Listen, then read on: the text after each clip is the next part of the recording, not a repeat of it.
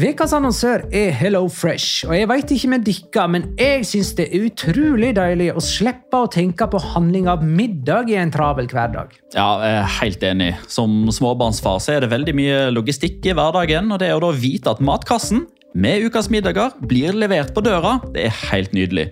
Da slipper du impulskjøp på butikken når blodsukkeret er lavt, og når du kommer hjem, kan du bare ta ut posen med dagens ingredienser fra kjøleskapet og sette i gang matlaginga. Ja, Du kan velge mellom 25 ulike retter hver uke. Og de har faktisk en egen kategori som heter Raskt og enkelt, med masse enkle og gode oppskrifter. Veldig greit å ikke måtte ty til takeaway hver gang det er hektisk på jobb. Jeg gleder meg spesielt til sterk chilikylling i min neste kasse. Jeg blir sulten bare av å tenke på det. Ja, Det er ikke feil med bacon og cheeseburger heller, da. Og det som også er bra, er at matkassen koster det samme hver uke, som gjør det enklere å holde matbudsjettet. Ja, og så blir det ikke matsvinn heller, fordi du får akkurat det du trenger til hver eneste rett. Hello Fresh kan absolutt anbefales, og bruker du koden vår, LIGALOCA, kan du få opptil 1779 kroner i rabatt på de fem første matkastene hvis du ikke har prøvd Hello Fresh tidligere. Du kan også prøve koden hvis du har avslutta abonnementet ditt for tolv måneder siden eller mer. Gå inn på hellofresh.no og bruk koden LIGALOCA. Bon appétit! Hallo? Jeg kommer fra Oslo politikammer. Ine Jansen er purk. Er du purk? The motherfucking bitch. Alt jeg vil, er å finne ut hva som skjedde med mannen min. Jon Carew. Er jeg sikta for noe? Iben Akeli. Det er du. Ole So, Lars Berrum og Big Daddy Karsten. Hvem sin side er du på, egentlig? Anette Hoff, Tone Danielsen, Kommer du fra Afrika? Jørnis Josef, Nesten. Kløfta. Trond Espen Seim. Det er synd å si det, men det var feil mann som døde. Purk. Premiere tirsdag på TV2 Play.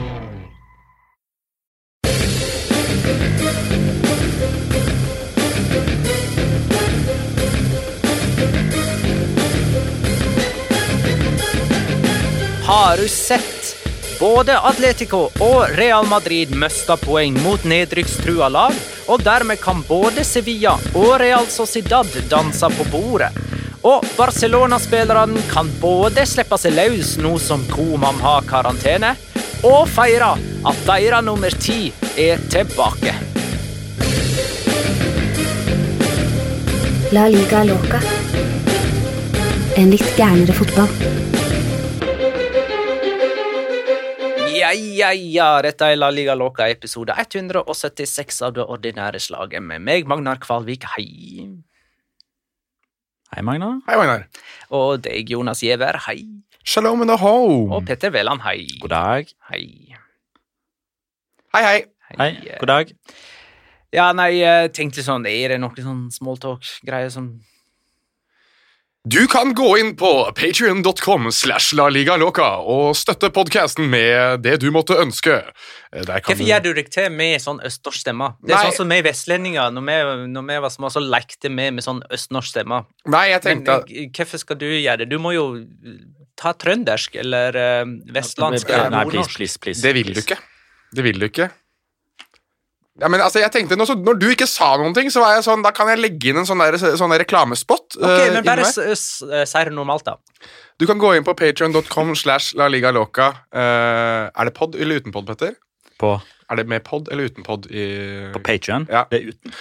Uten pod. Men dette klarer uh, publikum Patreon.com. å finne ut sjøl. Patreon.com slash la ligge loca. Der kan du eh, definitivt eh, gi oss en liten slant for det vi driver med her. Det er fire ulike tires. Der får du fire eh, Det er ulike, nivå. Ja. Mm. Fire ulike frynsegodspakker, alt basert på hvor mye du betaler. Eh, og så kan jeg også si, så har jeg gjort det, nå kommer det merch. Nå kommer det merch. Det kommer merch. Det kommer merch. no way back. No way back. Skyggelua fant jeg ut at caps er på norsk. Ja, det er riktig, det. Det er riktig. Tenk at ikke vi klarte å komme på det. Tre stykker sitter Ja, eh, jeg, alle sammen sånn godt voksne. stå- jeg står på at det er fra. Jonas. Kaps. ja. Mm. Eh, runde sju har vi kommet til nå. Kamp for kamp. Alaves Atletico Madrid 1-0, har du hørt. Alaves hadde null poeng, Atletico hadde null tap. Nå er det omvendt, hadde jeg nær sagt. Det er det jo selvfølgelig ikke, men du skjønner hva jeg mener. Eh, La Guardia, matchvinner for Alaves med skåring på dødball i det fjerde minutt. Det var deres første skåring siden første serierunde for over en måned siden. Der har jo Atletico Madrid om dagen. Kommer tilbake til den kampen. Vi går videre. Valencia Atletic 1-1. Dette er de to lagene som har spilt flest uavgjort i hele La Ligas historie. Eh, Marcos André skåra sitt første mål for eh, Valencia. Han utligna her eh, fire minutter på overtid etter at Inigo Martinez hadde sendt Atletic i ledelsen. Um, tunge tider for Valencia, som har tatt ett poeng på sine siste tre kamper. Men, men stemninga er på topp for det. Mhm. Det er veldig mye skader, da. Det er veldig mange spillere som mangler, og både Carlos Soler og Gaia er ute, så har man på en måte Jeg syns man har en unnskyldning. 1-1 på hjemmebane mot Atletic i fjor hadde jo vært nesten hallelujastemning. Så det var et dårlig Atletic i fjor òg. Så syns det er helt greit, jeg. Og når man i tillegg da spiller med, spiller med en uruguayansk spiss som virker som han har mest lyst til å være kjøttstopper, så er det jo på en måte litt greit. Uh, altså Maxi Gomez fikk rødt kort. det gjorde han. Jeg uh, var inne og sjekket litt. Grann, altså, han spiller nummer ni. Han er spiss. Lengst framme i banen, skal skåre mål. Han har altså 15 kamper uh, og to utvis... Eller 15 kort og to utvisninger på 73 kamper for Valencia. Som spiss. Ja, Hvor mange mål har han? Helt sikkert mindre enn det. Mindre enn det. Det var flere ting. Mindre enn 15, regner jeg med. Etter søren, jeg. Mindre enn 15 kort. jeg, er ikke, jeg, er ikke sikker, jeg er ikke sikker på hvor mange mål han har. men, men skulle, skulle poenget ditt være at eh, 15 pluss 2 kort på 75 kamper er mye som spiss? Jeg syns det er veldig mye som en spiss som egentlig ikke gjør noe særlig annet enn å være frustrerende i disse dager. Ja, Da syns jeg du skal sjekke Raúl Garcia og Jaime Mata, blant annet. Du skal, Ja. du skal i hvert fall ta en kikk på den tidligere Valencia B-spilleren Iban Salvador, som eh, som spiss eh, har 217 kamper i spansk fotball. 99 gule og fem røde. Det er helt greit, det. Men de to du nevner først, jeg driter jo Iban Salvador, jeg vel. Men de to, første, de to andre der, Jaime Mata og Raúl Garcia, de har i hvert fall eh, et greit målsnitt. Og det er kanskje ikke de man venter at skal skåre mest mål for de klubbene. Er kanskje Jaime Mata, men ikke Raúl Garcia. Maxi Gomez har altså 18 La Liga-skåringer for eh, Valencia, så han har ett mål mer enn antall kort. da. Var ikke det 15 pluss blir 2 Ja, det blir vel sånn, ja. Eh, Men de slipper nå han da eh, mot Cádiz til helge, siden han har karantene. De slipper han. Inyaki Williams eh, Vi må ikke glemme Atletic midt oppi dette. Inyaki Williams spilte eh, denne kampen og har dermed runda 202 kamper på rad. Eh, Ingen har spilt så mange kamper på rad i La Liga gjennom hele historien. Eh, Jo, ingen har spilt flere kamper på rad gjennom hele historien. Han har spilt like mange som rekordholder Laranjaga, som eh, spilte 202 strake kamper for Real Sociedad på 80- og 90-tallet. Nå, nå eh, må vi jo snart bli ferdig med den der. Nå får han én kamp til Inyaki Williams, og så har han rekorden sjøl, og så kan han endelig settes ut av laget. Ja, jeg nevnte jo det i kan ha vært i mars-april eller noe sånt. At eneste årsak til at Inaki Williams igjen spiller og spiller og spiller, og spiller, og spiller, det er at altså, hele Atletic, hele Bilbao, nesten hele Baskeland har bare bestemt at den rekorden skal han få. Han har vært ganske god denne sesongen, da, så akkurat det argumentet faller jo litt nå, da. Eh, skal vi si noe om Valencia og Atletic sin tabellsituasjon? Ja, Valencia er nummer åtte, er de. Athletic Atletic nummer ti, og der hører Atletic hjemme. Eh, og så kommer nok Valencia til å dette fire plasser lenger ned. Valencia er eneste laget som har skåret i alle kampene denne sesongen. Ja, eneste det er som sant. ikke har gått målløs av banen. Mm. Så det er ikke verst. Imponerende. Går videre nå. Sevilla Español 2-0. Eh, Det vil si at Sevilla er på tredjeplass, tre poeng bak serieleder Real Madrid, med én kamp mindre spilt enn de. Eh, Her kom målet av Enesiri og Rafa Mir. Eh, Sistnevnte skåra i sin andre kamp på rad. Thomas Delaney ble utvist med to gule i løpet av hvor mange sekunder? Tre? Tre sekunder. Begge for protester. Eller han protesterte først, og så kom han med sarkastisk applaus Ja. etter å ha fått sitt første gule kort. Og det er altså så dumt. Det er altså så dumt. Fra hvem? Eh, Jeg er litt usikker på om jeg skal skylde på Delaney eller klubben og omgivelsene. Eh, Jeg syns Andres Palop, som var sidekommentator i den kampen, der oppsummerer det eh, på glimrende vis. Eh, Da kan jeg sitere han, men bare på norsk. Noen må jo ha tatt ansvar i forkant her og fortelle Thomas Delaney at sånt Det kan godt hende at det blir akseptert i Tyskland, men det aksepteres ikke i Spania, og nå er det Spania du spiller fotball i. Dette er dumskap. Kom deg av banen. Men hva er det som ikke blir akseptert i Spania? Eh, Sarkastisk applaus mot dommer. Ja, men den første Ei heller eh, såkalte håndbe... Altså, eh, protester er lov. eh, det, er min, det er i mindre grad tillatt enn f.eks. i England. Der får man jo ikke altså Der må man nesten si bli fengsla for å bli eh. Jo da, altså, du, kan, du kan jo si 'joder'. Det kan du, men du kan ikke bli personlig. Du kan f.eks. ikke si 'la concha de tomadre og, og disse tingene som Diego Costa har blitt utvist for i tide og utide. Har du lyst til å oversette La Concha de tu Madre til våre lyttere? Uh, Eller skal jeg gjøre det? der alle barn kommer ut uh, for første gang. Fitta til mor di! Sånn, da gjorde jeg det. Tror du kanskje vi må ta en explicit på dagens Ja, han, kjørte, han kjørte en F-off i stad, og da kunne jeg kjøre den. Jeg lurer på om den der, kanskje. Ja. Ja. Ok, Um, Men det som, det som uansett ikke er lov, er å uh, protestere med, uh, med armer. Altså um, Så dere Gladbart Dortmund? Jeg gjorde det. Dahoud fikk Ja. sitt andre gule for det. Og der er dommer enormt flink i kroppsspråket sitt. Du har ikke lov til å gjøre sånn. Drit i å liksom ikke, ikke bevege armene. Ikke skap deg. Ikke, ja, men skape seg kan de få lov til. De skaper seg jo hele tida når de drøyer. og- Te deg skikkelig! Jo, men du, du skal liksom ikke ha en sånn voldsom eller aggressiv eh, aggressivt kroppsspråk. Ja. Det hadde Thomas Delaney. Den Ja, ja, første der. enig der. Enig der. Jeg elsker folk som får gult kort for sånt. Få det vekk. Det er så mye annet man kan få gullkort på som man ikke får gullkort for. eh, Filming, eh, simulering av skade, som tar evigheter. Spillere som legger seg ned og leker som de er skada én meter fra sidelinja, Ja. og som fint kan rulle ut av Men det er litt banen selv. vanskeligere å måle. Samme hvor skada de er, Ja, liksom. Det, det er litt vanskelig. det, det, er ikke, det er ikke så det. målbart Det er liksom viktigere kamper å slåss for Jo, dommere ja, men det er veldig mye det vanskeligere å at slåss de noen veiver med armene i protest. Jo, men det er veldig mye vanskeligere å ta de kampene òg. Jeg syns ikke det. Ja, men nå, hvordan, kan, hvordan kan du være dommer på om en spiller har vondt eller ikke? Nei, man kan si spilleren Be spilleren gå ut av banen, eller rulle ut av banen når han ligger en meter fra sidelinja, f.eks. Det går helt fint. Han klarer seg helt fint. Jo, Så han kan fint gå av banen sjøl, i stedet for å kreve at hele kampen skal stoppe for at han skal få full vår Ja, men hvis, hvis han mener at han er urettferdig behandla, hvis han har blitt tråkka på tåa, ok, skal laget han spille med én mann mindre i 20 sekunder for det? Faktisk. Nei, det, Det, ikke man, skal, man skal ikke ha behandlingen på banen, man skal ha det utafor, sånn kampen kan fortsette. Ok, Så Raúl Garcia kan bare gå rundt og tråkke folk på tærne, og så oppnår han en fordel på det? med at de spiller 11 Ja, 10? du må straffe de som går rundt og tråkker folk på tærne òg. Du må jo det. Ja, Selvfølgelig. Det er òg gullkort. Hvis de ikke dømmer gullkort på det, da har de i alle fall forsømt sin oppgave. Men det er jo ikke, Real det er jo ikke automatisk gult kort bare fordi du kommer borti Ja, noen ja, som frispark, da. Real Madrid, via Real vil han raskt vekk fra diskusjonen, 0-0. Det, det bare sklir ut.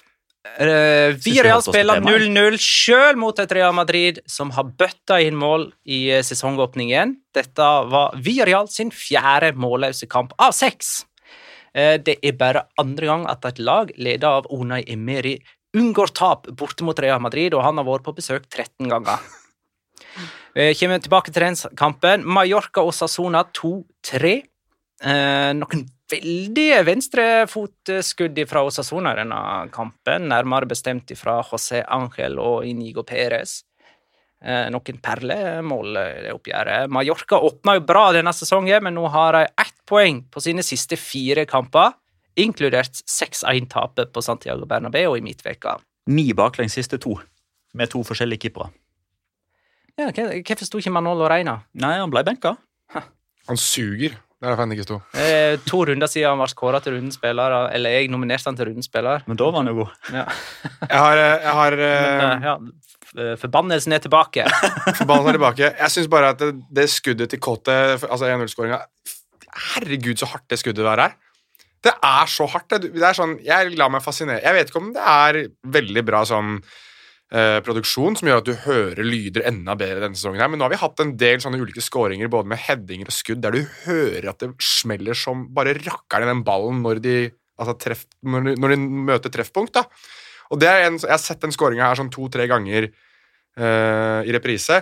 Og keeper er jo på den, men det er bare så sabla hardt at det er umulig å stoppe det. Altså, Jeg kan ikke huske en spiller som har truffet en ball så hardt på lenge. Og ja, jeg har sett mye Erling Braut Haaland i Borussia Dortmund og på treninger osv., men der syns jeg Kotte virkelig Ja, det er ikke Kotte lett å treffe så hardt. Hvis jeg hadde vært fra Stavanger nå, så hadde jeg spurt ble du kåt. Dette oppgjøret varer i 106 minutter. Uh, ja, 16 minutter i tillegg totalt. Da fryda du deg. Det fryder du deg over. Ja, men Jeg så det jo i opptak. Jeg var i konfirmasjon, jeg. Ja, men da, da hadde du enda mer fotball å glede deg til når du kom hjem. Men jeg syns jo det er eh, både gøy, men samtidig litt sånn, jeg er litt sånn vondbråten å se hvor mye, hvor mye Kangin Lee får mulighet her. Altså sånn, han er blitt, nå har han blitt liksom angrepshøvding for Mallorca på veldig veldig kort tid. Nå er jo Kobo ute med skade òg, som gjør at det er enklere for han å på en måte ta ansvar, men, men når han liksom kommer i driv framover i banen med ball, og sånn, så tenker jeg wow, for en Ja, spiller. det var veldig rart at han ble tatt av før tiden Ja. var spilt. Men jeg tror, men jeg tror, tror han sliter med altså, Han må ha noe kondisjonsgreier, for det har skjedd før. Jeg husker Han starta kamp for Valencia også, så mener jeg husker at han ble tatt ut veldig ofte da han var veldig god. Jeg Tror han er sånn som sliter seg ut ganske kjapt. Ja. At han kanskje burde få opp uh, kondisjonsnivået. Men eh, jeg syns det er gøy da, med et Jakob Arrazate-lag som faktisk ønsker å vinne fotballkamper eh, når de er på bortebane også. At ikke de legger seg bakpå og skal forsvare ledelsene sine, men går framover. Så det- sliter hjemme, da. Og Sassona har vunnet tre strake bortekamper, eh, men eh, neste runde så spiller de dessverre hjemme mot Reio. De har altså ikke vunnet en eneste hjemmekamp. Nei, nå møtte Betis Så der da. legger de seg bakpå, parkerer bussen hjemme, og så er de offensive borte. Ja, ja, det er, det er jo, men jeg venter jo på disse her 1-1-kamprekkene til Osasona, Osasuna som Arrazate bare skal få på plass for å få de til det punktet der de kommer til å overleve. Det kommer til å skje. Men de har hatt sin beste sesongstart eh, nå da siden 2005-2006. Da ble de nummer fire. Da spilte de Champions League-kvalik. Var det Agirre? Det var Javier Agirre, Helt riktig. Barcelona levante 3-0. Memphis Depay skåra på straffe. Luke de Jong skåra sitt første for Barca. Anso Fati kom inn etter ett år ute med skade og skåra jeg, Johanno. Vent litt, vent litt, Jeg må sjekke. Jeg må sjekke. Jeg inn på Yr. Bare sjekke. Nei, helvete har ikke fryst over til is. Luke de Jong har faktisk skåra mål. Det er greit. Eh, Vi kommer tilbake til den kampen senere Vi må bare nevne at Levante har 15 kamper på rad uten seier siden i vår. og Det er tangeringa deres lengste rekka uten seier, da, fra 90 til 91. Hvis Paco Lopez hadde kunnet norsk, så hadde han sendt deg en melding nå og sagt nei, det er bare sju. Forrige sesong teller ikke. Ja, det stemmer. Eh, Dette, eh, vi kan ta dette her, egentlig. Barcelona og Levante. Det var to trenere som eh, går på Tunis. Eh, Koman var jo, hadde jo karantene. Eh, man mener han er dead man walking. Eh, Levante med Paco Lopez, han òg begynner å, å leve litt sånn utrygt. Og Paul og Ødegaard har jo sendt oss en eh, tweet. Eh, Er det ingen klubber som har råd til å sparke trenere lenger? Uansett hvor dårlig det går sportslig. Og Anders- kan vi altså føye inn at Chetaffe har tapt alle sine sju kamper. Ja. Uh, nei, det, altså hadde dette vært forrige sesong, altså covid-sesongen, eh, så hadde jeg sagt godt poeng, uh, Pål. Eh, og poenget står jo, men jeg tror ikke det er økonomi. Eh, og det er på bakgrunn av den CWC-avtalen, som gjør at de har mer slingringsmonn. Spørsmålet er jo om, om det eksisterer gode alternativ der ute, da. Altså, ja, Det er nok heller det. Ernesto Valverde er der ute, men vil han liksom ta over Hvordan ser det med Barcelona og den CWC-avtalen? De har De, sagt nei. eh, de har sagt nei. Så de har iallfall ikke penger. Det har de ikke. Eh, Men Levante og Getafe, derimot, ja, ja, de har har råd. Det har de. Men- Barcelona har ikke råd til å sparke treneren, men Levanto Getafe. har det. Men jeg, men jeg tror jo, altså Skrekkeksempelet her da, er jo kanskje det spanjollaget som bytta trener kjempehyppig hele tida den sesongen de rykka ned, og det, ingenting hjalp jo. Ja, ja, Granada i 16-17 eller 17-18, Ja. når de hadde Tony Adams og han Planagoma var inne et par kamper. Jo, jo, men, og- men, der, men der var det jo rett og slett det at de sluttet å putte penger inn i klubben, som gjorde at de mm, til syvende og sist ramla nedover på tabell. Um, Jo, jo, men de tok seg jo likevel råd til å sparke tre forskjellige trenere i løpet av sesongen. det gjorde de, men Espanol hadde jo ganske mye penger, fordi de har en kinesisk investor som bare dytter så mye penger inn han kan. Men det hjalp jo ikke, selv om de bytta trener. Var det tre eller fire ganger de bytta det året der? Ja, De hadde vel fire forskjellige, så de bytta tre ganger. da. Altså, det var vel sånn Hvis du blunka, så gikk du glipp av, at Pablo Marcin var gjennom der. Jeg går videre nå. Kan jeg bare få sagt det at jeg håper at eh, en av disse klubbene skjønner at Abelardo ikke har jobb? Hmm, Levante og Chetaffe, for eksempel, Ja. kan skjønne det. Ja. Real Sociedad Elche 1-0. Real Sociedad er på andreplass i La Liga, poenget bak serieleder Real Madrid. Og disse to klubbene har jo like mange kamper spilt, da. Altså Real Madrid og Real Sociedad. Eh, Real Sociedad har skåra tre mål på sine fire heimekamper og holdt nullen i alle sammen. Så når du skårer tre mål og tar ti poeng, da snakker vi effektive skåringer. Her ble det Oyarzabal matchvinner eh, med sitt femte mål for sesongen. Eh, han og Aritz Elustondo er det eneste som har skåra mer enn ett mål for laget, som altså er nummer to på tabellen. Adnan Janusay var den eldste i startelveren til Real Sociedad med sine 26 år. Verken Isak eller Sørloth spilte pga. skade. Det var Man skulle kanskje tro når Adnan Janusei er den eldste med sine 26 år, at det er et veldig ungt lag, men de fleste ligger jo på 24, 25, 26. Men, Eh, men så hvor, det er liksom ikke Men det var noen eh, sånne såkalla Cantera-spillere, eller B-lagsspillere, da. Benjat Torrientes syns jeg så litt uh, småfrekk ut. hvor mange er det i det Altså, det er veldig mange av disse her som enten har vært på B-laget eller gått gjennom akademiet. Altså, jeg sitter og titter på startoppstillingen deres nå. Det er jo tonnevis, virker det som, som har på en måte gått gradene. Selv om du er, jeg er enig med deg, Magnar. Det er jo mange av de som Altså, Subimendi, Ja. Subeldia, Ja. Oyarzabal, Ja. Ayen Munoz, Gorosabel, Lenormand Torrientes og Lobete. Er det sju mann, da? Åtte. Åtte. Vel, altså Janusai er er jo den eneste som ikke er verken eh, spansk eller B-lagsspiller. Altså, Lenoman er jo fransk, men han har vært på B-laget. Remiro er basker, men er jo Atletic-produkt. Miquel Merino er basker, men han er også Sona-produkt. Ganske vanvittig. åtte, da. Det er ganske Imponerende. vanvittig. Mm. Ingen mål på Lucas Perez eh, for Elche denne gangen. Hadde ikke han eh, Han hadde vel mål i to kamper på rad? Han hadde en kjempekjanse den kampen her òg, så han er jo Må jo nesten si det, vi, tuller jo mye med ham og på en måte hans å si, eskapader utenfor banen, men han er jo on fire, da. Det skal sies. Jeg tror, jeg tror det er en For et Elche som kommer til å kjempe mot nedrykk Jeg beklager til Eirik Koren, som jeg er nok veldig enig med oss i akkurat det, men ehm, der har de en som kan skyte de noen plasser opp av tabellen. Men, men akkurat i den kampen der så syns jeg fotballen var litt sånn var litt urettferdig mot Elche. Ja, var det. Altså, eh, Tverrleggertreffet til Piatti, stolpeskuddet til Benedetto. Gigantutdritinga til Enzo Rocco. Hva er det han holder på med? Sånn, oppriktig talt, lurer. Altså, hva er det han holder på med? På den første reprisen så ser det ut som han liksom skal ta en sånn, en sånn dummy. At han bare skal dukke, sånn at ballen går inn til keeper. Ja, ja, ja. Eh, På den andre så ser det ut som at han holder på å skli, og dermed så får han liksom bare så vidt hodet på den. Og på reprisen så kommer han liksom bak fra så ser det ut som han forsøker å heade ballen inn til keeper. Kan jeg, kom- kan Ja, jeg dette er altså ved skåringen til Real Sociedad, der ja. Oyarzabal plutselig var alene med keeper etter at ballen hadde gått over hodet på et eller annet vis på Rocco. Jeg kommer med alternativ fire. Ja, da. Kikko Kasia roper at uh, den kan gå inn til meg, og så lar, er ikke Enzo Rocco sikker, og så er det dårlig kommunikasjon. Real Sociedad møter Monaco på torsdag. De slo jo Cádiz i Cádiz Celtic. Celtic, Cádiz, Eh, same same. Like fine byer. første europaligakamp. Uh, Rayo Vallecano Cádiz 3-1. Falcao skåra igjen i sin tredje kamp på rad for uh, Rayo. Dette var den første han starta. Han er den første som skåra i sine tre første La Liga-kamper for Rayo siden Diego Costa gjorde det i 2012.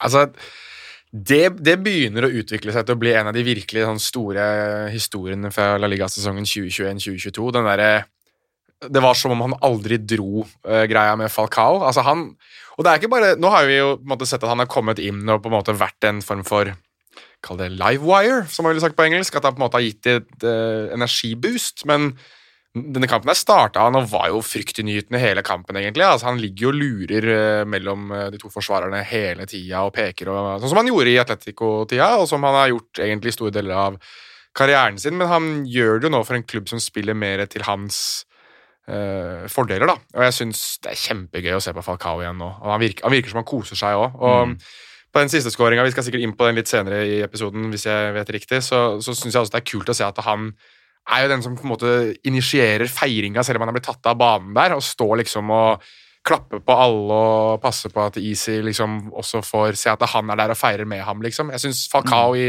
i Rayo, det, Ja, det er var gøy. Easy som virkelig hadde kampens Ja. per perla her med det langskuddet. Det er jo en venstreskuddperle. Ja, det var Det mye av det easy- denne helga her. Også, og en ting er jo liksom en ting er jo også, Uansett hvem som liksom skårer i tre kamper på rad, så er jo det en god prestasjon. Eh, men da kan du jo per definisjon gjøre det i løpet av 270 minutter. Altså hvis du spiller 90, 90 og 90.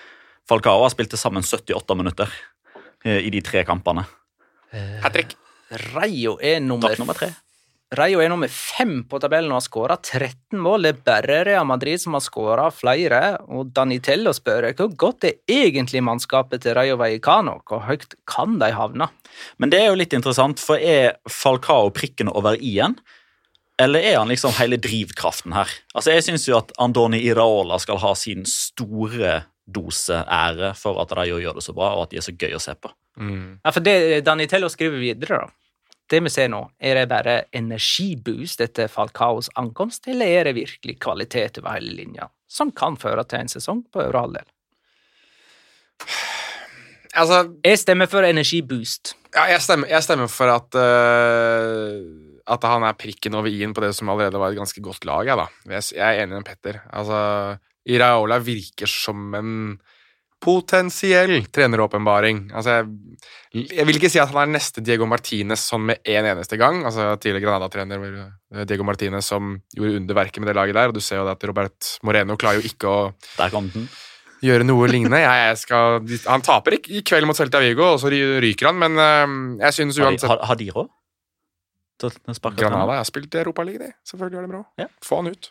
Men uansett, jeg stemmer for at det er, øh, at det er Falcao som er prikken over i. Varazdat Haroyan skåra for Kadis her. Han ble dermed den første armeneren som skåra i eh, La Liga. Og da skåra han mot det laget som hadde den første av to armenere som har spilt. Sjotar Veladze. Nei, han er fra Georgia. Ja, jeg gidder ikke det greiene her igjen! Det er Armenia-Georgia-tullet. Jeg klarer ikke forskjellen. Ja, men forrige gang så var det ikke noe inne i både Aserbajdsjan og Ja, men det var jo fordi han kom fra Astana, som er fra Kasakhstan. Ja, orker ikke. Nei, anyways, hyggelig for han. Lykke til.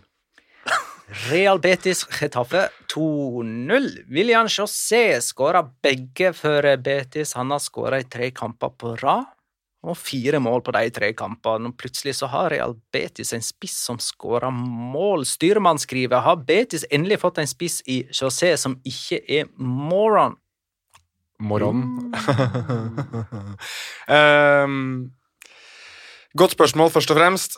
Men det er jo det vi har sagt i ganske mange Jeg syns nesten siden podkasten starta, altså i 2017, så har vi snakka om det. At uh, Abetis Betis er jo kjempegode, men de mangler en spiss som kontinuerlig skårer mye mål. De har hatt Borja Iglesias, uh, Juanmi, Loren Moron, Tony Sanabria, som også jeg, altså jeg har fortsatt troa på han, men det kommer ikke til å skje. Nå er han jo ikke der lenger heller. Altså De har hatt veldig mange ulike spisser som har kommet og gått, men de har klart å spille seg til mye sjanser, sett veldig gode ut, spesielt under sett igjen, men de har ikke hatt en sånn type Uh, bare avslutter, da, eller en som har i hvert fall klart å avslutte for dem foran mål. William José begynner å se ut som han kan eh, være den spilleren, men uh, gi det noen runder til, da, tenker jeg. Men nå har de jo eh, bare Ja, det var tre på 33 etter forrige kamp, så de har bare tre tap da, de siste 34 kampene.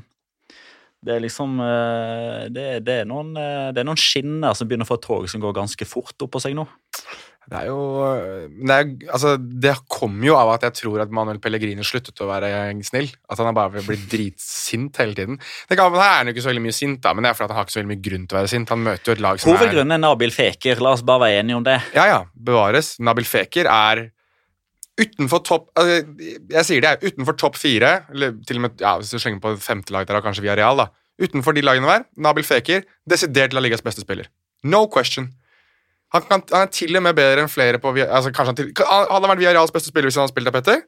Det er jeg ganske sikker på. Hadde han vært Sevillas beste spiller hvis han hadde spilt av Magnar? Hvem? Nabil Fekir? Uh, nei, han hadde vært eh, fjerde best på Svia. Har du tre spillere på Sevilla som er bedre enn Abel Feker? Jules Condé. Jules Condé. Ok. eh, i- Ja! Erik Lamela. Nei. Og uh, Enesiri. Nei. Kanskje. Fernando. Kom igjen, da. Han er jo han er den viktigste spilleren de har. Ok, jeg sier, Da sier jeg nå hey, Hvis William, Jesus Navas. Nei, det er altfor mange. Han er nede på åttendeplass. William Carvalho kunne godt undergjort gjort det Fernando gjør for, for eh, Sevilla akkurat nå det kunne han ikke! Jo. Nei! Jo. Nei! Nei! mm, Petter, Hei. hvilken kamp eh, kommenterte du i Europaligaen uh, i første runde? PSV. Real Sociedad. Ja. Ikke Real Sociedad Celtic, altså. Real Betis Celtic. Real Betis møter Ferencvaros på torsdag. De Mm. slo jo Celtic 4-3 i første kamp. Mm. Ja. Det virker ikke som det fikk med dere at jeg sa eh, Real Sociedad slo Celtic i første kamp. Jeg sa Real Sociedad slo Cádiz, og så retta jeg det til Celtic, og så var det ingen som reagerte. Så du nå poengterte ut din egen feil for Ja. lytteren? Jovialt til deg. Real Sociedad møter altså Monaco denne veka.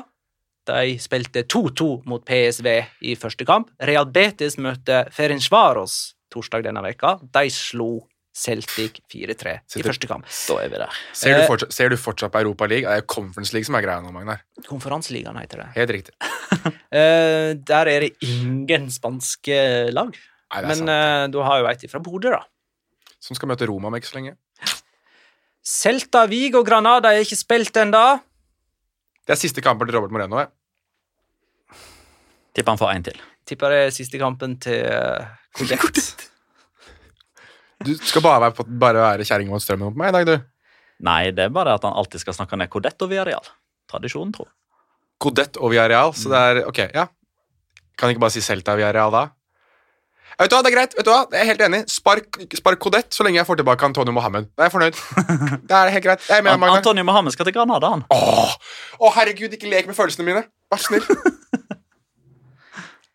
uh, skal vi gå uh, nærmere inn på ting? Ja. Jeg vet ikke helt greit. Ja, det blir mye- da? Skal vi ta det kronologisk, da, eller Da blir det i så fall uh, Alaves Atletico Madrid 1-0. Ehm, det er litt eh, eh, interessant, egentlig. Det var bunnlaget Alaves som slo topplaget Atletico. Det var, det var ikke nummer én, jeg vet, men topplaget Atletico Madrid. Men likevel så vekker det liksom ikke like mye oppsikt som hvis det var eksempel Real Madrid eller Barcelona som hadde gått på denne smellen. Nei, det er sant. Det er en slags bekreftelse av at Atletico fremdeles ikke har den anerkjennelsen som Real Madrid og Barcelona har, selv om mange Selv det er ganske bra i konsensus om at Atletico som har den beste stallen i La Liga per nå. Ja, og det, det er jo òg veldig mange, spesielt Real Madrid-supportere. Det, det skjønner jeg jo er litt sånn halvveis banter, og det, det må man jo bare like og akseptere hvis man ikke liker det. Eh, De er jo veldig frampå med sånn ah, Atletico Madrid oppfører seg som om de fortsatt er lillebror, til tross for at de har nye stadion og kjøper Joao Felix 126 millioner euro osv. Men det er jo et godt poeng, Magnar, at når de taper mot Alaves, et ræva Alaves, og ikke har skåra mål i noen førsteomganger denne sesongen De har spilt åtte førsteomganger. Null, null, null, null, null, null, null og null mål. Så ligger det jo veldig ofte under, da. Ja, det gjør det. Fire ganger. På Men så har de liksom sluppet unna med å komme tilbake inn i tre av de da.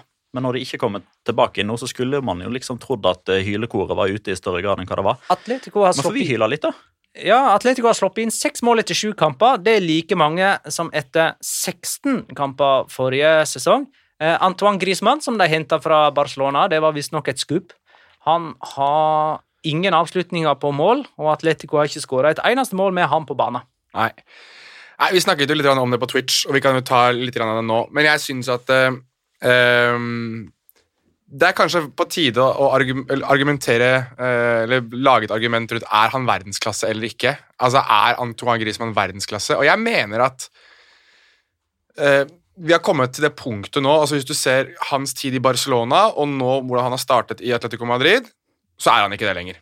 Han er ikke, han er ikke en verdensklassespiss. Altså, han er en veldig god spiss, men han er i det sjiktet rett under verdensklasse. Som jeg brukte som eksempel David Ginola, for de som husker David Ginola. Han var kjempegod i Newcastle, kjempegod i Tottenham.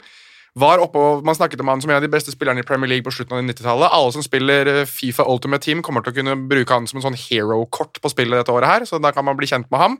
Men han var aldri etablert verdensklasse. Og der føler jeg at Antoine Griezmann er. Han går inn i den Ginola-kategorien. Kjempegod i perioder, men ikke god nok til å bli kategorisert som verdensklassespiller. En annen du kan slenge inn i den der, er Eder Hazard, for eksempel. Han har gått fra å være tidvis i Chelsea, kanskje verdensklasse, til nå ikke være i nærheten av verdensklasse lenger. Og det, det føler jeg at eh, I Antoine Griezmanns tilfelle, for alle disse her må man se uh, Dette er sine egne situasjoner, selvfølgelig, men for Antoine Griezmanns del så tror jeg det handler om at han er en spiller som er kjempegod på et lag som skal være utfordrer. altså Han er tilnærmet verdensklasse, eller ser ut som en verdensklassespiller på et lag som ikke skal være kjempe, kjempegode. Men når han kommer på et lag som skal være kjempegode, så faller han gjennom. Og da er du ikke verdensklasse i mine øyne. Så jeg argumenterer veldig hardt for at vi ikke kan ha Antoine Griezmann som verdensklassespiller. Ja. Jeg er enig på, på veldig mye. Eneste er jo den derre Folk vil jo ha en liksom forskjellig definisjon La oss si at du spør ti forskjellige fotballinteresserte. da. Eh, Noen på gata, noen som jobber som kommentator, noen som jobber som ekspert, en spiller, en trener. Definer verdensklasse. Altså, eh, hva må du være god på for at du skal være verdensklasse? Eh, hvor mange er verdensklasse? Altså, Ja. Du må jo etter hvert sette et tak for hvor mange som kan være verdensklasse, og hvor går skillet. Topp tre spisser i verden men jeg er verdensklasse. Kanskje topp fem. Da du ver det er verdensklasse. Ok, Men det er bare fem stykker som har lov til å kalle seg for verdensklasse. Da trenger vi ikke diskutere om man er det Ja. Du har noen utfordrere, selvfølgelig har du det. Men jeg, som, noen av disse kategoriene kan du sikkert Hvis du tenker angrepsspillere, da, Ja. som er mer enn Antoine Griezmann Ja. Er Ok, Men det, det som er min klokkeklare mening, er i alle fall at eh, du nevner Hazard. Eh, jeg tar med Osman Dembélé. Jeg tar med Joao Felix. Vær så god. Eh, jeg tar med Gareth Bale Vær så god. og Antoine Griezmann. Vær så god. Fellesnevneren for de fem er at de ikke er så gode som forventningene tror at de skal være, eller som de en gang var. Ja, definitivt. Det er i alle fall spillere som ikke leverer. Der, da? Mm. Alle av ulike årsaker, men det har gått over en Altså, du kan godt gå en, gå en halv sesong og ikke levere, og jeg kan fortsatt kategorisere deg som det, for eksempel. Ja. Men de her har gått så lang tid nå, alle sammen, og har ikke vært i nærheten av det nivået som de skal ligge på for å være verdensklasse, at Glem det. Altså, de er ikke, de er ikke, du kan ikke kategorisere dem som det lenger nå. Jeg veit ikke hvordan man skal kategorisere, men jeg bare syns det er interessant at eh, de etablerte stjernenavnene ikke leverer, mens det er unge eh, spillere som preger La Liga i større grad nå, da. Eh, Og veit ikke om det har med sultenhet å gjøre, eller om det rett og slett bare er manglende kvalitet. Kanskje de unge spillerne som kommer opp nå, er på en måte har et høyere eh, toppnivå som unge enn det forrige generasjon hadde. da, at eh, Mm. det rett og slett er en slags utvikling i fotballen som gjør at eh, 18-19-åringer nå er kjempegode sammenlignet med det, som var tilfellet for 10-15-20 år siden. Mm. Altså, ta et, et kjapt, bare veldig kjapt digresjon på det. Jeg husker at eh, Peru bare for å ta det veldig kjapt, Peru hadde en kjempestor generasjon som har snakket om at skulle bli dritgode med Andy Paul og Raúl Ruiz Diaz. var masse spillere. Men problemet med, med de peruanske spillerne var at så fort de forlot Peru, selv om de vært gode på landslag, gode på ungdomslandslag, så fort de forlot Peru, så fikk de penger. Og da fikk de muligheten til å gjøre ting de ikke hadde gjort før, og da var det et nytt liv, og da var de andre steder, da var det større klubber, da var det mer fame, fortune, altså all, alle tingene der. Litt som Norge, eller? Nja, lite grann. Men jeg mener, jo, jeg mener jo heller at Peru er Altså, du klarer deg fint som fotballspiller i Norge. Det er jo veldig få norske spillere som har gått ut den siste tida og ikke fått det til å stemme, i hvert fall sånn noenlunde. I Peru så stoppet de bare nesten å spille fotball så fort de forlot Peru. Ja, så er det en litt annen levestandard òg, da. Altså, Ja, ja. Opp i Norge, så har du jo et Ja. bra liv. Problemet er i hvert fall at veldig mange av de spillerne her da, som vi nevner, spesielt, og da mener jeg spesielt typer som for eksempel Osman Dembélé og Eden Hazard, forlater klubber der de ja, hatt det veldig bra i Borussia Dortmund, hatt det veldig bra i Chelsea, men det kommer til Real Madrid og Barcelona. Wow! Nå ta på meg det, den drakta, det draktnummeret, reklamer, penger, biler, hus, alt mulig rart. Trenger ikke å være, jobbe like hardt lenger, kanskje. Osman Dembélé er for sein på trening for å spille Fortnite. Eden Hazard møter opp 20 kilo overvektig til første trening før sesongen. Altså, Kom igjen, da! Ja. Da er det ikke verdensklasse. Mista litt tror jeg. Nei, men Det handler, jo om, det handler jo om, om, om å forvalte det talentet du har, og fortsette å være på det nivået du ligger på. Hvis du, hvis du mener oppriktig talt at du kan komme for sent på trening fordi du skal spille PlayStation, eller møte opp til første trening i den nye sesongen eh, 20 kilo overvektig, da er du ikke, åpenbart ikke programmert til å være verdensklasse over lengre tid. Da Da har du nådd det målet du vil, og så kan du bare leve livet ditt sånn som du ønsker. Og æres den som gjør det. Hvis du syns det er greit, vær så god. Men da kan du ikke kategoriseres, i mitt hode i hvert fall, som verdensklasse. Nei, da er ikke det verdensklasse. Eh, klassisk Louis Suárez da, eh, på overtid i denne kampen her. Men så inn på verdensklasse. Atletico jakter skåring, flytter til og med Jan Oblak fram på en dødball. Og så er det en del ping-pong inne i Alaves-forsvaret, og så går ballen via en Alaves-spiller mot uh, Luis Suárez. Uh, men da er Suárez så opptatt av å rope på hens at han liksom ikke får til kroppsstilling til å komme til en brukbar avslutning. Så du hva det er? Ja, så hopper han inn i keeper i stedet. Han Og ballen etterpå. himmelhøyt over, fordi at han liksom var i tvil om han skulle liksom prøve å avslutte eller fortsette å rope på hens, så det ble litt mer mellomting. Ah, Fokus. Eh, Det neste sånn Ett år siden han debuterte, for øvrig. I dag. For, for eh, Atletico. Atletico. Mm. Ja, for det at uh, 27. september i fjor var sånn cirka første serierunde, det. Uh, I alle fall for uh, Atletico Madrid.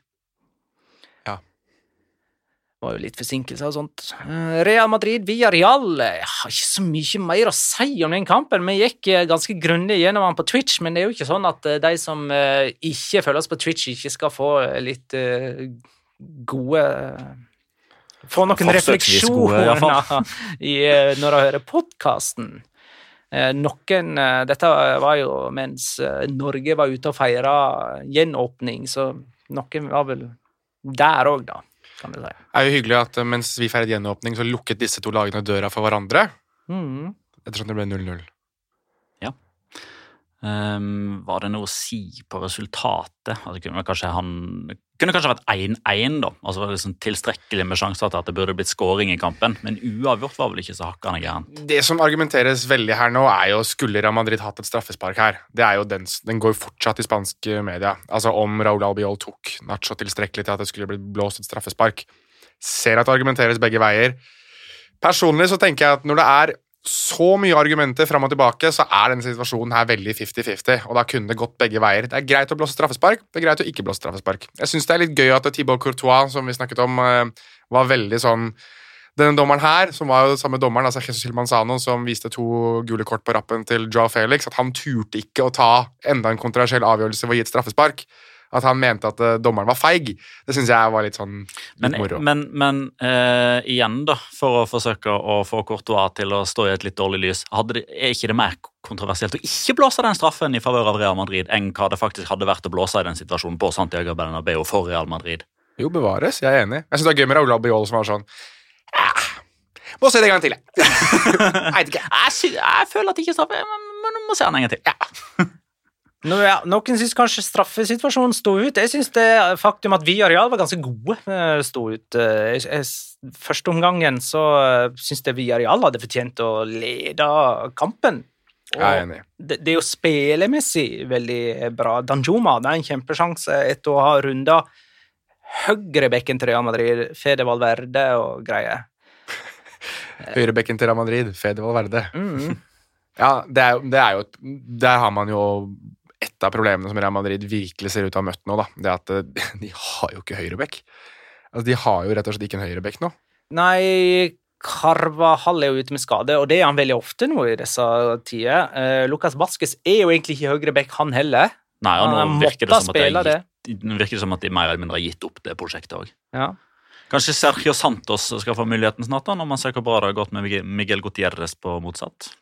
Eh, Peter Losvik lurer på hvor mange uavgjort det blir for den gule ubåten denne sesongen. Den Nå har ligger jeg jo, altså fem ligger jo på skjema til 33-34, da. 40 det, poeng. Det, det, blir, det blir 30 Nei, det, blir, ja, det spørs hvordan det går i de kampene de ikke spiller uavgjort. La oss si at de vinner fire av de, da. La oss si at det blir 4 eh, 32-2, da. 44 poeng, det. Champions League-spill og nedrykk, som i 11-12-sesongen.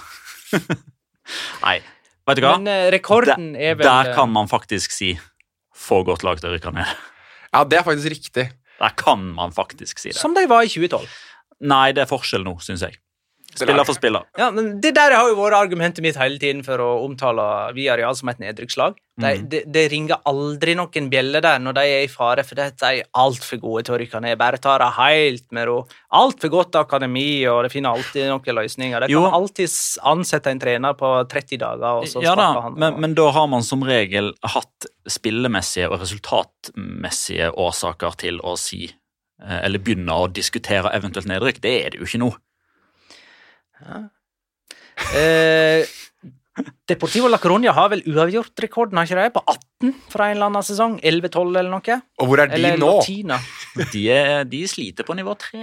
Men spørsmålet er altså hvor mange uavgjort det blir for den gule ubåten i år. Kommer de til å ta rekorden? Nei, jeg tror ikke det. Nei. Du kan skrive det opp, da. At det blir eh, 14 totalt. 14 uavgjort. Eh, 27. september. Ta med det lille ja, ditt uh, angående Viarealen, Erik, òg, da. Nå Skrive sånn halvveis uh, spådommer. Uh, det blir nedrykksstrid, ja. Oi! Men det er Men det mener ikke noe skrivende. å hvert skrive ned. Mange mener det hvert år. Uh, er vi ferdig med Real Madrid via Real, da? Skal, vi skal jo ikke glemme å nevne at Via Real møter Manchester United på Old Trafford på onsdag, mens Real Madrid møter Sheriff Åh, er det tirsdag eller onsdag? Den er jeg usikker på. Sheriff fra Tiraspol. eh, Moldova, sant? Mm. Eh, De slo Sjakta Don Donetsk Ja. i forrige Det er på kamp. tirsdag. Eh, ja. Og Real Madrid tapte jo Var ikke det mot Sjakta Donetsk at Real Madrid tapte begge kamper forrige Champions League-sesong? Jo, det tror jeg stemmer, det. All right, vi beveger oss videre. Eh, endelig kan vi jo snakke litt positivt om eh, Barcelona. da. Det har jo vært mye kritikk uh, herifra i, den retning.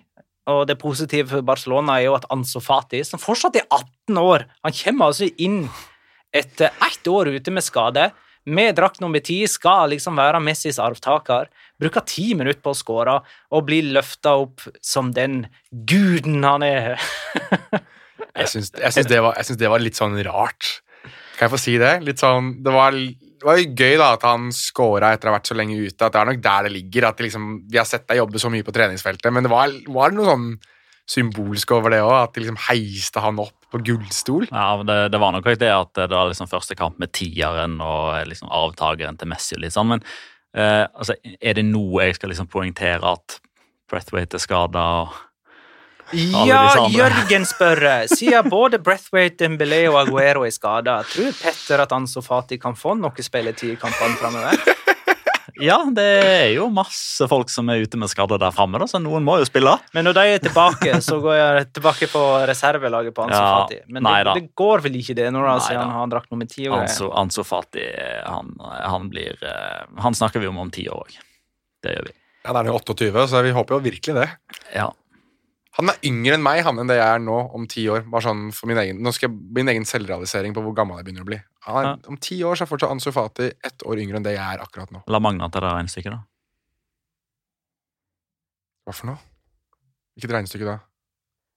Ja, om 24 år fra nå, så Ja. vil han fortsatt være litt yngre Det er litt mer punch i 24 enn 10. Ja, jeg, er den yng, jeg er den yngste i det, det rommet her. Ja. Det var det som var poenget. Ok, ja, Da var det et godt poeng. Ja. Takk. Bare hyggelig. Jesus. Opp i ringa, gutta. Ja, vi kan jo ta denne her ifra Andreas. Beviste Barcelona at det fremdeles finnes håp for en god sesong? Mange unge og lovende, blant annet. Kan jeg, kan jeg Petter, bare har du lyst til å svare på det? Ja, Vil du svare på det, Petter? Ja, Jeg vil ikke svare konkret på han. Jeg synes det, er- det er et fint spørsmål. Det er bare en sånn generell betraktning at etter Granada-kampen og etter Cádiz-kampen så er det sånn ah, Vanskelig med topp fire, ass! Ja, Sociedad er gode. Sevilla er bedre enn resultatene. Atletico vet jo at de kommer. Real Madrid eh, kommer jo til å vinne La Liga. Villarreal vanskelig å slå. Betis siste Ja, de skal få slite med å komme til Og så 3-0 mot Levante. Kan de vinne serien?! Altså, Fins det en mellomting, eller, folkens? Men er det noen som har sagt det, eller Ja. som antyder at det kan vinne serien? Vi fikk spørsmål om det på Twitch. Ja. Eh, så Marka skriver om det. Vi snakker om det nå. Eh, ja, til og med Ansu Fati sa jo det faktisk i intervjuet etter kamp at eh, Barcelona skal jo kjempe for titler på alle Ja, men det- ja, men han- han- han- Champions League og Jo men, jo, men, jo, men det som er greia der, da, at det at Ansu Fati sier det nå, og at um, Gerard Piquet sto etter Cádiz-kampen og sier at han spiller ikke Barcelona for å samle på andreplasser altså, Tredje. Andre eller tredje. Eh, det, det må de jo si, og det skal de si. De må si det, bør si det, eh, kan si det osv. Men, men de står jo heller ikke der og sier sånn Ja, jeg er litt usikker på om vi når fjerdeplassen. Så de sier jo ikke først én ting på torsdagen, og så sier de en helt annen ting på søndagen. Det er det som er problemet, med at det er altfor mange som bare snur kappa etter vinden etter én kamp. Altså, Dette er 3-0 mot Levante, liksom. Jeg er fortsatt på at Barcelona skal konsentrere seg om å holde eh, 16 lag bak seg, kontra enn å se opp mot der som Real Madrid er nå. Eh, Luke de Jong skåra, og det var faktisk eh, ikke på heading etter innlegg, men eh, en pasning inn i bakrom. Eh, du, skal du skal ha et forsvar med spillere rimelig feilplasserte for å la Luke de Jong få boltre seg i bakrom. Han får jo spille mer for Barcelona enn han fikk for Sevilla. Altså, i, I alle fall mer enn det han hadde fått for Sevilla denne sesongen. Ja, det får han faktisk. Det, for, det er jo òg et paradoks i seg sjøl.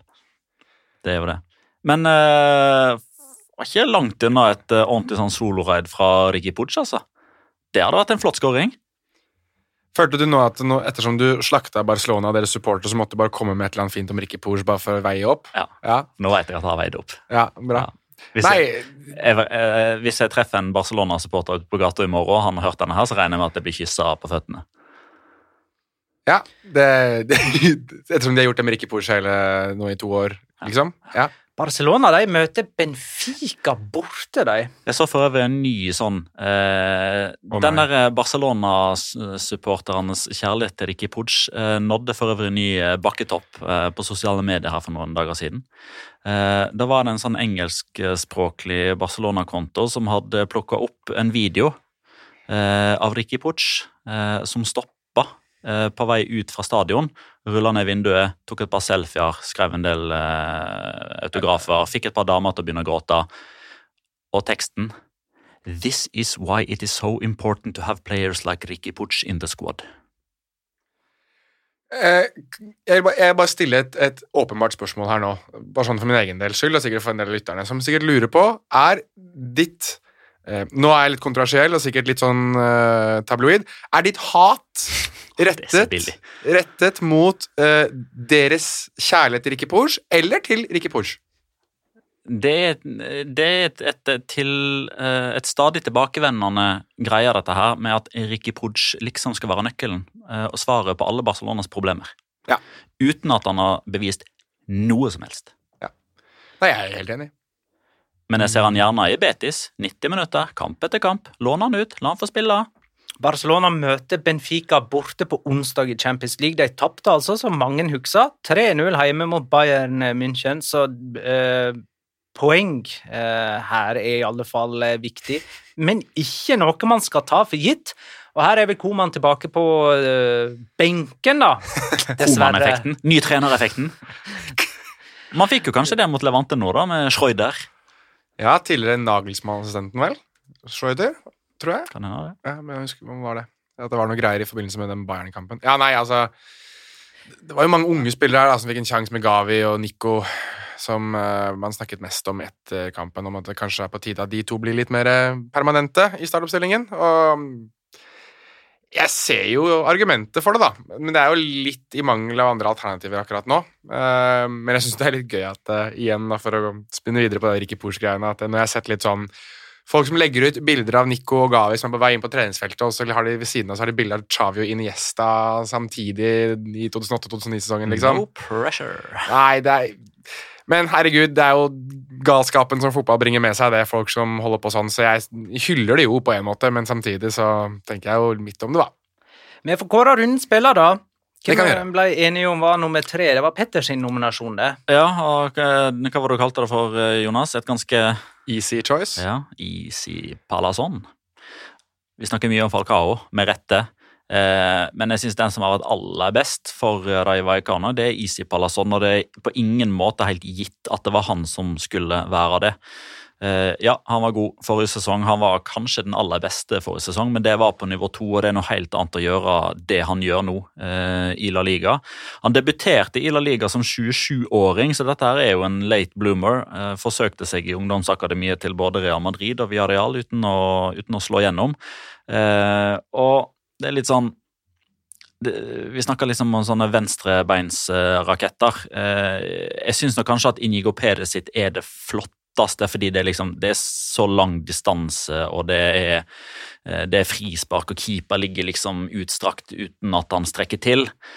Men jeg syns den skåringa til Isi Palasson er mye bedre på bakgrunn av det han gjør liksom før selve skuddet, med å dra av et par mann og han skyter i fart. Eh, og det er liksom ikke Altså, José Ángel skyter jo òg i fart, men han bare dytter ballen foran seg, så tar han rennafart, og så bang! Easy er litt sånn i ubalanse, på vei vekk fra motstander, og så skyter han i bevegelse. Så jeg syns eh, Easy Pallasson fortjener tredjeplassen denne uka her. Kan jeg, kan jeg komme med kritikk av han veldig kjapt? Han heter Isinio på Twitter, og jeg syns det er utrolig dårlig bruk av det navnet. Han burde hett Easy Money eller Easy Goals eller Easy Choice eller Easy Victory eller noe sånt. Dust. Eh, min nominasjon er på eh, havna på andreplass eh, når eh, bunnlaget Alavis som hadde null poeng før kampen, sler topplaget Atletico Madrid ved at en og samme spiller er matchvinner i begge ender. Da syns jeg Victor Laguardia fortjener en eh, plass på denne lista. Han skåra etter fire minutter og hadde en fabelaktig redning på strek på Atletico Madrid sin største sjanse i kampen etter 53 minutter. Eh, sånn sikra Victor Laguardia Alaves sin første seier. Sine første poeng denne sesongen. Ja, og nummer én er jo eh, altså William José, da, som vi har snakket om. Han eh, har vært en åpenbaring for Betis nå i et par kamper. Jeg synes I den kampen her så ser man mer av den derre goalgetter-greia. Nå stjeler han jo riktignok en scoring nesten fra Nabil Feker da, på 1-0, hvor Nabil Feker så å si dribler hele Chetaffe, og så avslutter William José idet Nabil Feker er i ferd med å avslutte. Men det viser jo da at det er en målhungrig eh, brasilianer som har lyst til å vise seg fra sin beste side. Jeg syns det er gøy når William José blir litt sånn råskapens spiller igjen. Det er lite grann flashback til Diego Costa. En dårligere utgave sådan, men en dårlig utgave av Diego Costa er uansett gull i, eh, i min bok. Så to skåringer og ser ut til å ha funnet, uh, funnet, et nytt hjem der han kan få lov til å være den First Price-utgaven av kaosbamsen som han er. All right. Da er det tid for Locora! Ukens La Liga Locura. Locura. Locura. Locura. La Liga Locura. Jeg kan gå først nå, for jeg, um, jeg har ikke liksom uh, gravd dypt her for å finne en uh, locora. Jeg bare jeg gir den til Anso Fati. Jeg syns det er spektakulært at uh, han blir skada som 17-åring, er ute i et år, kommer tilbake som 18-åring, og så skårer han etter ti minutter. Og så blir det litt voldsomt uh, når han blir løftet opp på gullstol, og så får dette her ikoniske bildet allerede i en alder av 18 som Messis uh, erstatter. Blir, det bildet der han blir løftet opp av medspillerne sine og har en knytta neve i været, det har jo nesten blitt løftet opp på samme status som det Messi-bildet etter Paris Saint-Germain-kampen for noen år siden. og han skal liksom bare følge Messis fotspor, og Barcelona og alle rundt og alle i laget prøver etter beste evne å få det til å bli sånn, da. Ja. Både eh, metaforisk og eh, rent sånn bokstavelig. Jeg fortsetter med en liten sånn del locora som jeg kom på nå. for akkurat Den, Messi, den ikoniske Messi-feiringa den tok jo Miquel Sabal denne helga her. Rett etter at Ansofati da hadde blitt løfta på gullstol. Eh, men det var ikke det som var min locora. Da kan jeg ta min, for min er i Ansofati-gata. Oh, ja, okay, ja. ja. Um, Draktnummeret er jo noe jeg er fascinert over, og noe som eh, jeg vet at veldig mange andre er fascinert over. Så jeg var litt nysgjerrig på eh, drakt nummer ti i Barcelona, og jeg ville se litt hvordan suksessraten var på de som fikk nummer ti i, i Barcelona. Og Uh, Ansu Fati skåret jo i sin første kamp på hjemmebane med drakt nummer 10 i La Liga, altså 26.9.2021. Det samme gjorde Lionel Messi da han fikk eh, drakt nummer 10 i sin første hjemmekamp eh, 13.9.2008, da på straffe mot Racing Santander. Var det den kampen som het 1-1? Stemmer. stemmer. Og vi husker jo Ronaldinho sin første kamp nummer 10 for Barcelona på kamp nå. Var det midnattskampen? Det var midnattskampen, så jeg har skrevet 3.9., men jeg lurer på om han skårte Han skårer 4.9. Uh, imellom her så er det en spiller som har nummer ti Vi kan jo faktisk kjøre en litt sånn, uh, litt sånn retro. Når da? Hvem, hvem, var det som hadde nummer ti? Han skåret ikke. Han hadde drakta i én sesong, 2002-2003-sesongen. Altså før Ronaldinho. Hvem hadde nummer eh, ti for Barcelona? Var det på det tidspunktet riktig at han skulle ha nummer ti, eller var det en sånn what the Nei, åh, dette er nummer ti. Dette var nummer ti. Ja, ja, ja. Dette var en spiller med nummer ti. Rikelme? Yes! Juan Roman Riquelme gikk fra nummer åtte til nummer ti. Vel.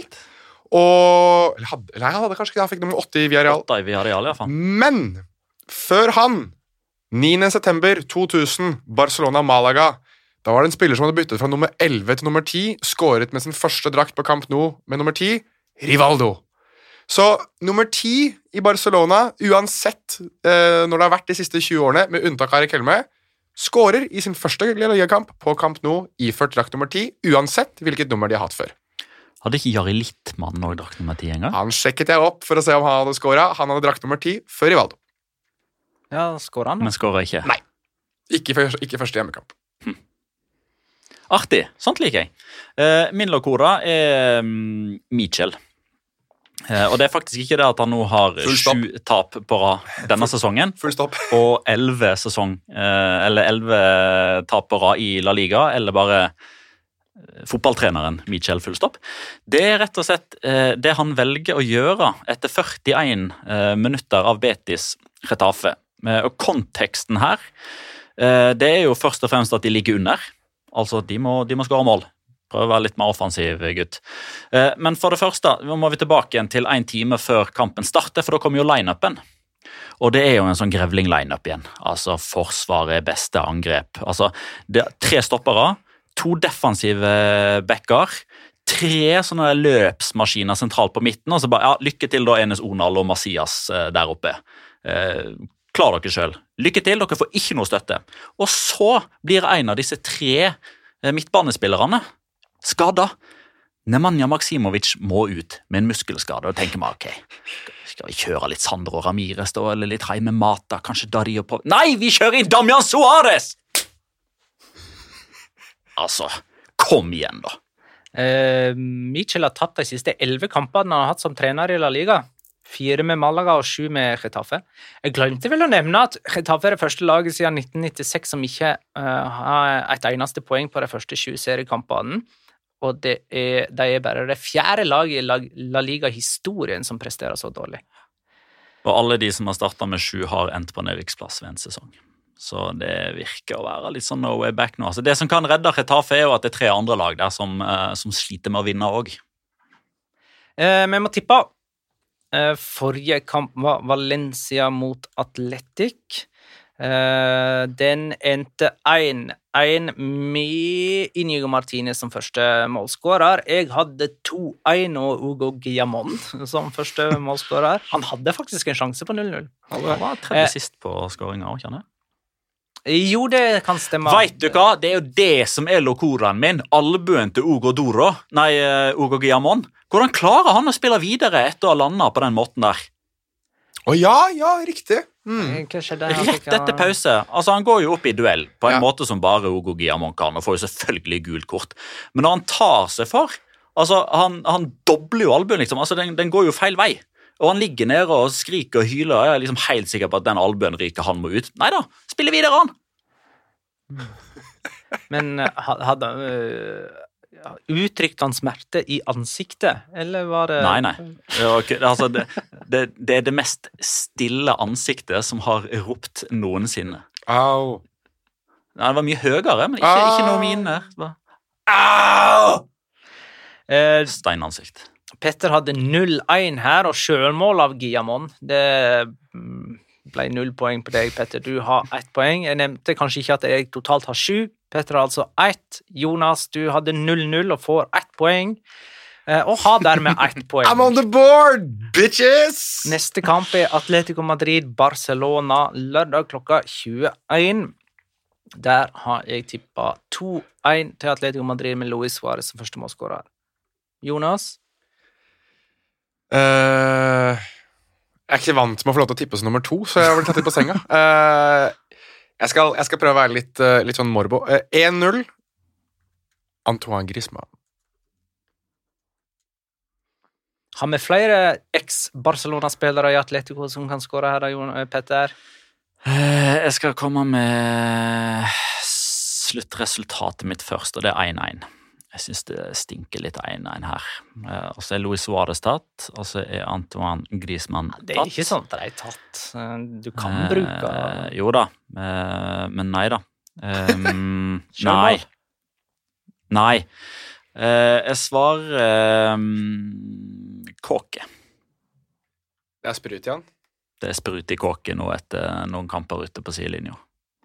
Han har fått lada kanonen nå. Eh, Med det så eh, har jeg fått nok. Ja. Så da bare runder jeg av, jeg. Jeg tror ikke det er noe mer å si. Hadde, eh, ja. Tusen takk for at du Ja, ja. lytta, kjære lytter. Okay. Ha det, da. ha, ha det.